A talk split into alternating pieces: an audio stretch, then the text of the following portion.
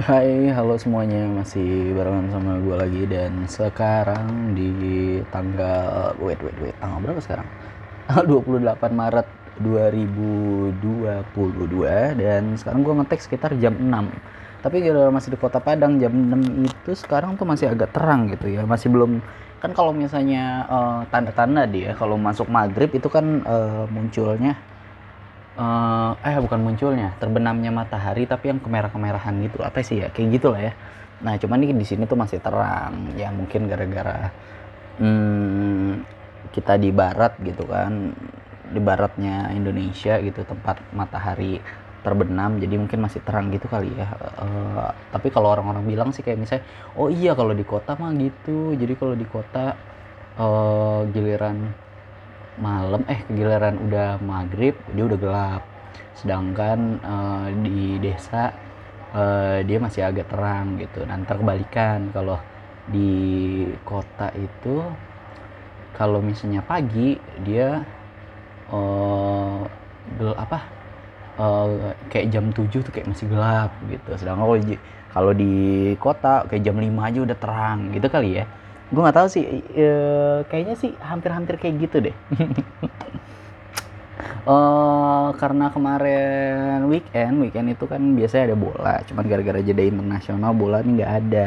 Cuman eh kayak ini aja kali ya update-update kalau misalnya yang pada main sama timnasnya mungkin laga persahabatan, mungkin juga masih ada yang kualifikasi, kayak kualifikasi Piala Dunia kan belum semuanya tuh siapa aja pesertanya. Terbaru sih kayaknya yang lolos ke Piala Dunia tuh ada Kanada tuh, Alfonso Davies sama Jonathan David kan biasanya tuh bintangnya. Nah, kalau yang lagi viralnya sih, gue setahu gue tuh salah satu eh, ini apa dokter terawan. Dokter terawan itu kan dulu tuh salah satu eh, apa dia menteri kesehatan kan. Nah, cuman oh, gara-gara waktu covid tuh dia terkenal di awal-awal covid gitu.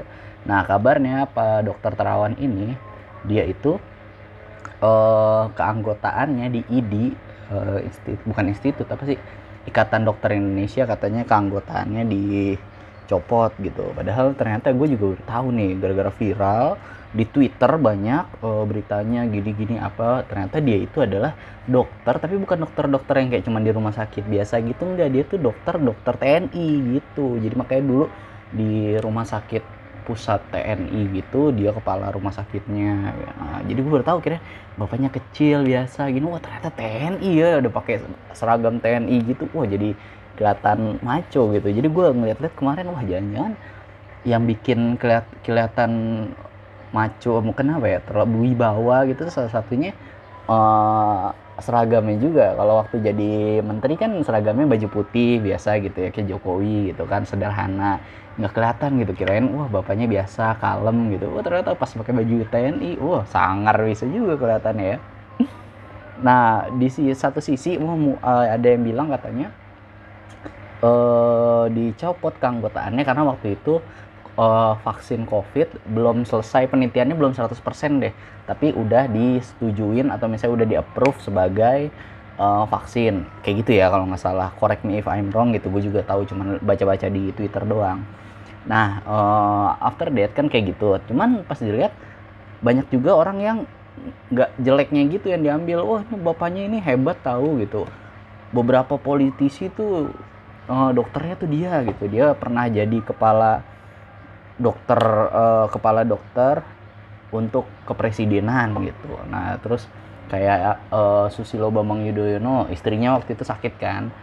Salah satu eh, dokter rujukannya gitu atau Jokowi merintahin gitu bapak boleh tolong sebantuin istrinya Pak BY gitu kan? Wah dikerjain gitu. Pasti kan walaupun kalau misalnya presiden yang rekomendasiin gitu pasti kan udah kayak dokter nomor satunya di Indonesia gitu ya. Cuman gua nggak tahu juga siapa sih sebenarnya kalau misalnya dokter nomor satu di Indonesia gitu. Nah dibilang nih banyak yang bilang ada yang orang tuanya sakit stroke atau apa gitu dibantu sama Pak Terawan sembuh gitu. Ya, Ada yang bilang, wah Bapak terima kasih udah nyembuhin Bapak saya, po salah satu politisi ternama besar. Bapak saya kasih villa deh, Bapaknya katanya nolak. Oh enggak, enggak, enggak usah. Ini udah kewajiban saya sebagai dokter gitu. Wah, humble ya. Jadi walaupun dulu tuh sempat awal-awal covid itu ya ada berita naik simpang siur gitu kan uh, kita menyepelekan sebelah mata gitu gue juga mungkin dulu kayak gitu cuman pas dilihat ternyata bapaknya wah dia seorang TNI gitu dokter TNI gitu. Wah dia katanya juga pernah apa eh, dokter-dokter TNI misalnya di Malaysia kan pasti ada juga tuh dokter TN dokter tentara ya. Kepalanya siapa? Nah Patrawan tuh kan kepalanya buat Indonesia. Terus dia juga kepalanya untuk internasional. Jadi kepala eh dokter kepala militer internasional gitu. Jadi dia membawahi dokter-dokter militer 144 eh 114 negara gitu kalau nggak salah ya. Gue agak ini nggak gue catat sih kemarin gue cuman uh, lihat-lihat di TL oh serius? Oh gila bagus ya gini gini gini gini.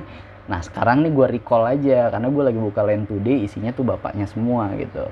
Gue coba lihat ya pokoknya bisa dibilang bapak Terawan ini uh, apa ya bisa jadi suri tauladan lah. Kalau nggak salah siapa yang bilang Pak Prabowo atau apa gitu.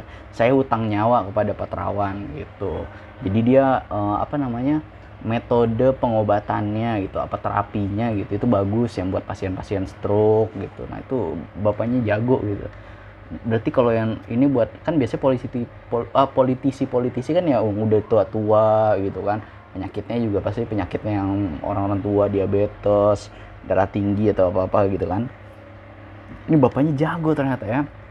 Coba gue baca beritanya dari Land Today. Kasus dokter terawan uh, dipecat ID beruntut panjang. DPR RI tegas. Ini dipublikasi dari genpi.com oh gitu. Gue belum baca ya cuman baca judulnya aja. Agak sedikit males gue kalau baca gede juga. Ini belum sempat gue sortir beritanya terus gue cari yang bagus-bagus apa aja. Jadi kayaknya gue baca-baca dulu aja eh gue langsung baca aja gitu ya. Takutnya nggak ada waktu. Ini di sini udah maghrib jadi kayak udah udah ngaji-ngaji gitu ya. Astagfirullahaladzim. Mulut gue nyebut tadi udah kayak nyanyi-nyanyi. Kan bukan nyanyi ya ngaji. Ya Tuhan jauh sekali nerehan dari agama nih ya. Ini pecat permanen ex Menkes Menteri Kesehatan Terawan Guru Besar Unair, Profesor Nidom, mengatakan hukuman mati bagi dokter. Lah, kok gitu? Mungkin nggak setuju ya. Terus, hmm, ini lagi beritanya dari CNN. Kayaknya ini tulisannya sih CNN ada gambar gitu. Iya benar, CNN Indonesia. Lima alasan terawan direkomendasikan untuk dipecat dari ID. Wah, lima alasan apa aja nih? Wah dia nggak nggak dikasih tahu di beritanya kayak satu di bold apa gitu. Dia nggak cuman nih di paragraf-paragrafnya ini jadi gue coba baca sedikit ya. Pertama mantan direktur utama rumah sakit pusat angkatan darat. Nah itu dia tuh kepala rumah sakit ya. Disebut belum menyerahkan bukti telah menjalankan sanksi sesuai bla bla bla bla bla SK Menteri Kesehatan gitu. Terus Terawan disebut telah melakukan promosi kepada masyarakat luas tentang vaksin Nusantara sebelum penelitian mengenai vaksin itu selesai. Oh, ini nih ya yang kayaknya uh, di bold gitu. Maksudnya banyak dibilang gitu di sosial media kemarin gue baca. Terus kok udah mulai langsung keempat nih, ketiganya mana nih? Bersangkutan bertindak sebagai ketua dari Perhimpunan Dokter Spesialis Radiologi Klinik Indonesia yang dibentuk tanpa melalui prosedur yang sesuai dengan tata laksana dan organisasi IDI Ikatan Dokter Indonesia dan proses pengesahan di Muktamar IDI Ikatan Dokter Indonesia. Keempat, Rawan menerbitkan surat edaran bla bla bla bla bla pada tanggal 11 Desember 2021 yang memuat instruksi kepada seluruh ketua cabang dan anggota PDS KRI, gue nggak tahu, di seluruh Indonesia agar tidak merespon ataupun menghadiri acara PBID. Oh, ini berarti kayak mungkin balas-balasan gitu ya. Terakhir kata juga Terawan, mengajukan permohonan perpindahan anggota dari ID cabang Jakarta Pusat ke ID cabang Jakarta Barat. Oh, mungkin rumahnya di Jakarta Barat kali. Oke, itu ya beritanya. Coba-coba ada lagi nggak ya? Tadi kan CNN nih itu ya, banyak yang bisa dibaca nih. Lebih parah daripada judi. Apa nih berita artis kayaknya nih? Ical Muhammad bongkar kebusukan dan kejahatan aplikasi binary option suaminya masuk jeruji karena kasus korupsi begini penampilan pedangdut safety sanustika yang berubah bak 180 derajat gitu, gitu. Oh kata tadi katanya waktu masih sama suaminya, maksudnya waktu nemenin suaminya sebelum suaminya masuk penjara tuh dia pakai kerudung. Nah di sini fotonya sekarang udah nggak pakai kerudung gitu. Mungkin ya gue nggak tahu. Ini ada dari Republika nih. Tulisannya sih eh, apa dari fotonya ada tulisan Republik eh, Republika online. Eh, gambarnya sih Bang BCA. Coba gue baca BCA respon Aduan nasabah curhatannya viral usai tabungannya hilang 135 juta. Oh, ini ini boleh di bold juga ya. Jadi kan kayak banyak orang gampang lah ya mau bikin akun kayak gimana gitu kalau sosial media. Ini kalau nggak salah Twitter ya gue lihat ya. Nah, ada yang mengatasnamakan kontak BC apa kontak BRI gitu. Ini contoh aja ya. Tolong di bold sekali lagi. Nah, kan bisa aja gitu dia nulisnya kontak BRI gitu atau misalnya call center eh, bank gitu nah nggak ada ininya verified atau gimana nah terus dianya orangnya mungkin awam juga ini salah satu ini ya uh, mungkin kita ya kelemahannya ya kadang jadi orang tuh jangan langsung iya gitu kayak harus waspada dulu gitu. Uh, make sure oh kayak ini tindakannya benar gitu kan. Mungkin dikasih deh uh, data-datanya yang sesuai atau apa gitu. Di DM saat dia pura-pura jadi admin atau mungkin dia dulu mantan admin atau gimana gitu kan. Nah, akhirnya duitnya hilang. Nah jadi make sure besok besok kalau emang mau mau konsultasi bukan konsultasi ada apa-apa gitu. Kartu hilang uh, mau blokir atau apa gitu mungkin bisa langsung lihat kalau misalnya di kartu kredit kan belakangnya ada tuh harus nelfon ke mana gitu.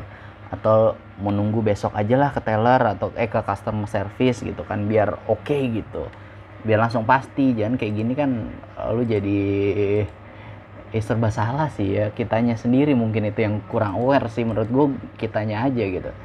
Ini ada berita lagi terkait kulit wajah apa nih?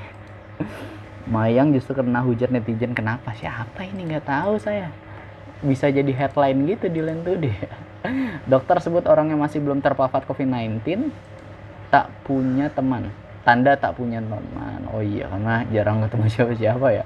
Bukannya bersyukur gitu oh gue belum pernah kena covid. Berarti kan daya tahan tubuhnya bagus gitu kan. Rajin makan buah sehat nih orang gitu kan. Malah dibilang gak punya teman. Sian banget.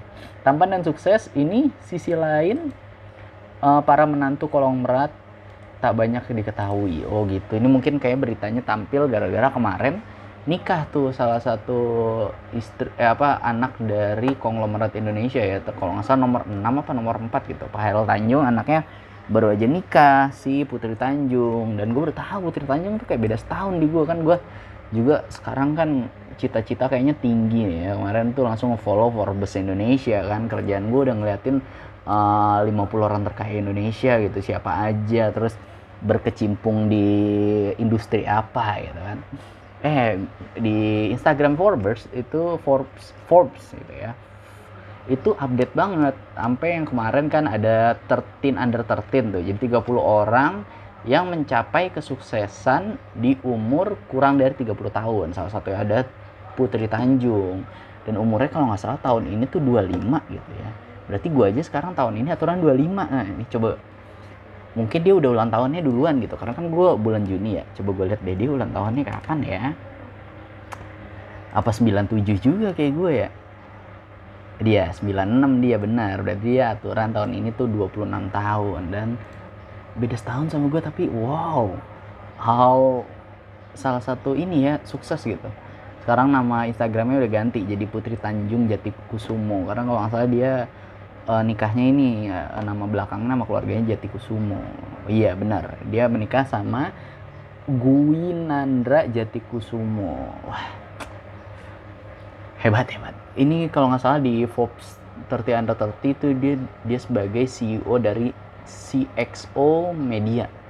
Kayak media digital kreatif gitu ya. Dulu kan kayak pernah ngangkat eh, apa ya ngangkat apa ya, bukan festival sih bukan festival konser gitu kayak festival tapi isinya tuh kayak uh, sesuatu yang positif banget apa ya maksudnya kayak seminar-seminar gitu ya.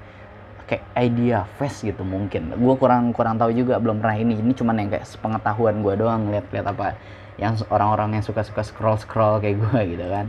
Scroll-scroll sosmed gitu jadi taunya kayak gitu dikit ya. Terus ini dari CNN Indonesia juga kayaknya masa digambarnya di sini CNN BCA benar dari CNN Indonesia nih yang publikasi BCA duga uang nasabah hilang 135 juta karena skimming apa sih itu skimming? Skimming itu adalah duplikasi kartu ATM. Oh gitu. Mungkin ini orang-orang yang suka ini ya kalau punya rekening terus dia mau minta uh, eh, ATM-nya dua gitu, satu buat suami, satu buat istri, mungkin gitu ya. Gue mau baca langsung tapi kayaknya artikelnya panjang nih. Bukan panjang ya, apa agak susah gue bacanya gitu. Karena uh, banyak kata-kata ekonominya gitu Nah, yang tadi nih, teman dan sukses ini sisi lain para menantu konglomerat tak banyak diketahui. Dipublikasi sama merdeka.com. Salah satu ini yang pertama ada Michael Damajaya. Siapa sih Michael ini? Michael adalah suami dari Angela Tanusudibio, yaitu putri sulung dari bos MNC. Ini berarti menantunya Bapak Hari Tanusudibio ya. Pasangan ini menikah pada 2012 lalu dan sudah dikaruniai dua anak. Sosok Michael dikenal sebagai menantu konglomerat bukanlah orang yang sembarangan. Dia bukan hanya pria tampan tapi juga pintar. Michael pasti kalau di uh, apa namanya? Kalau lagi main dipanggil bukan Michael, Mike gitu kan. Soalnya kan kalau gue lihat di luar negeri tuh William dipanggil Will gitu. Terus uh, Michael dipanggil Mike gitu. Terus siapa lagi ya? Hmm, Johnson dipanggil John ya kan. Terus katanya ini sosok Michael dikenal sebagai menantu konglomerat bukan oh ya bukan sembarang orang sembarangan. Dia loh bukan hanya orang pintar tapi juga orang yang eh bukan hanya orang yang tampan tapi juga pintar Michael lulusan Ohio State University. Wah, dari US ya. Dia lulus dengan predikat cum laude. Orang pinter banget berarti. tak banyak yang tahu suami Wamen Parekraf. Jadi uh, anaknya Pak Tan Sudibyo itu kan jadi wakil menteri ya di industri eh, apa pariwisata dan ekonomi kreatif. Gue lihat si Michael ini aja ya, buat gue aja kuliah di luar negeri ya susah apalagi ini ternyata kumlot gitu. Mungkin buat di kumlot di dalam negeri aja susah ini aja kumlot di luar negeri kan. Wow hebat gitu.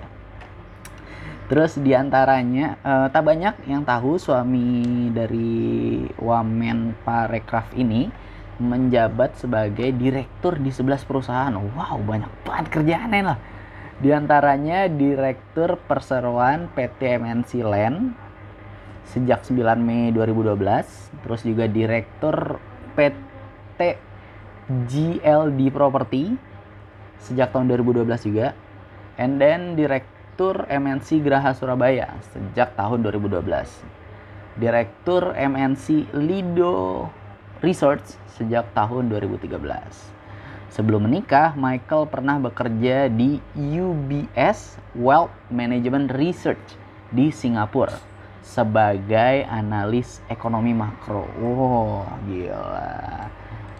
Tadi dia lulusan Ohio jurusan apa ya? Nggak ada ya jurusan apa. Keren, ini malah gue kira, wah saya seneng nih punya menantu ini nih. Bisa kerja di perusahaan saya, nanti perusahaan saya akan makin besar gitu. Gara-gara kan kumlot juga di luar negeri lagi gue sih ngeliatnya kalau misalnya orang keluar kuliah di luar negeri itu bisa karena pinter atau emang karena uh, finansialnya cukup gitu. Tapi buat kumlot itu udah fix pasti pinter, nggak mungkin finansial cukup gitu. Walaupun lu finansial lu cukup, mungkin itu kayak 30% aja lah. 70% itu ya karena lu pinter, lu rajin gitu. Walaupun di satu sisi, eh, di satu sisi kumlot itu salah satunya ada ada mungkin ya gue pikir ya. Oke kalau misalnya lu di satu sisi uh, well di bidang finansial lu nggak bakal kesusahan kayak ah gue mau fotokopi di mana ya? Nggak perlu mikir kayak uh, oh, gue eh, kalau fotokopi sini mahal mending sini aja. Tapi kok di sini lama selesainya ngantri. Kalau yang di sini yang agak mahal langsung jadi gue bisa ngumpulinnya cepet. Jadi istilahnya hmm, well finansial itu um, masalah satu dua tiga masalah hidupnya terselesaikan gitu ya. Sama kayak orang cakep gitu. Orang cakep tuh eh, masa dua per, dua atau tiga masalah kehidupannya tuh terselesaikan secara alami aja gitu. Kayak lu nggak bakal susah-susah nyari jodoh gitu karena kalau cakep gitu. Mungkin uh, di apa kayak lu di display di lampu merah aja dicari uh, calon istri gitu. Orang-orang banyak yang mau gitu kalau lu cakep ya. Terus Wakit Halid. Pada tahun 2020 lalu siapa sih ini Pak? Wakit Halid ya gue coba baca. Anak konglomerat Yusuf Hamka Fitria Yusuf menikah dengan eh menikah dengan digelar cukup sederhana. Wow be humble. Sit down pria beruntung mempersunting putri bos jalan tol ini adalah Wakit Halid Wakit Halid merupakan seorang aktor berdarah Iran namun ia sedang fokus mendalami profesinya sebagai seorang pengusaha. Uh, by the way gue lihat dulu ya. Ini Yusuf Hamka itu adalah uh, salah satu orang yang gue lihat sih di sosial media lagi hype banget dibilang crazy rich. Tapi crazy richnya itu adalah orang yang humble salah satu beritanya pernah dibilang dia naik mo mobil Hammer tapi dia makannya tuh di warteg gitu. Dia bilang ini bukan soal uh, mau konten atau gimana gitu tapi emang ya makannya enak di sini gitu. Jadi kan kadang ada orang yang uh, buat konten semua itu kan. Cuman bapaknya enggak. Dia dia pernah datang ke mana Denny Sumargo atau mana gitu. Pakai celana jeansnya dibilang ini beli di Ciamplas dulu lima tahun lalu atau berapa? Gitu ya. Jadi emang pinter aja gitu. Dia menjadi seorang yang bisa punya jalan tol karena dulu dia kerja di jalan tol itu PT-nya. Lama-lama sahamnya dia beli dan dia yang punya sekarang. Dia ngelihat kayak ini tuh perusahaannya uh, well profit loh gitu. Jadi kenapa gua nggak nanam saham di sini aja gitu. Dia pernah bilang perumpamaan ya kalau lu buka usaha makanan gitu. Kalau tiba-tiba makanan lu nggak enak orang bakal tinggal pindah restoran.